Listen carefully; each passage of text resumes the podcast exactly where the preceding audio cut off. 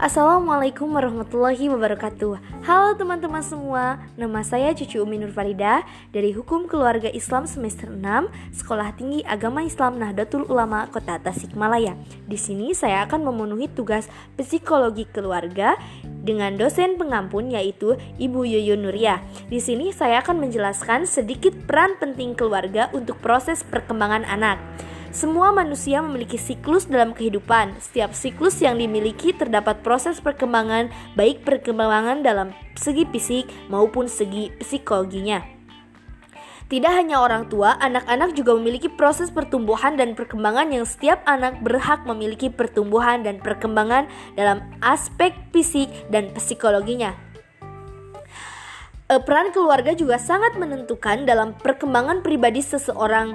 Namun, dari seluruh keluarga yang ada di dunia, tidak sedikit dari orang tua yang tidak memahami dalam perkembangan keseimbangan antara kebutuhan jasmani dan rohani. Dalam aspek spirit spiritual anak, kebanyakan orang tua lebih cenderung mensupport dalam kebutuhan jasmani, dalam kecerdasan spiritualnya, sedangkan dalam kehidupan rohani masih banyak orang tua yang tidak memprioritaskan dalam perkembangannya itu.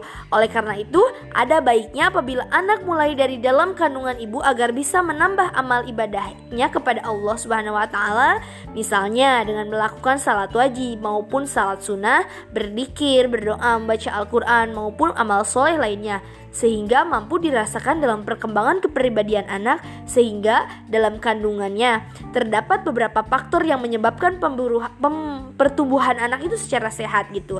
Dan yang selanjutnya juga ada uh, uh, faktor beberapa faktor yang menyebabkan pertumbuhan dan perkembangan anak secara global. Faktor tersebut dibagi menjadi dua bagian, yaitu faktor internal dan eksternal yang internal itu faktor dari dalam, eksternal faktor dari luar lingkungan.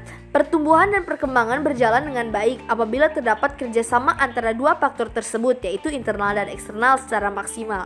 Faktor eksternal itu terdapat perbedaan ras, suku, dan bangsa. Selain faktor internal juga terdapat faktor eksternal yang mempengaruhi pertumbuhan dan perkembangan anak seperti gizi, psikologis, dan sosial ekonomi yaitu berikut adalah sedikit penjelasan peran penting keluarga untuk proses perkembangan anak. E, mohon maaf bila ada kekurangannya, e, mungkin itu bisa e, membantu kalian semua.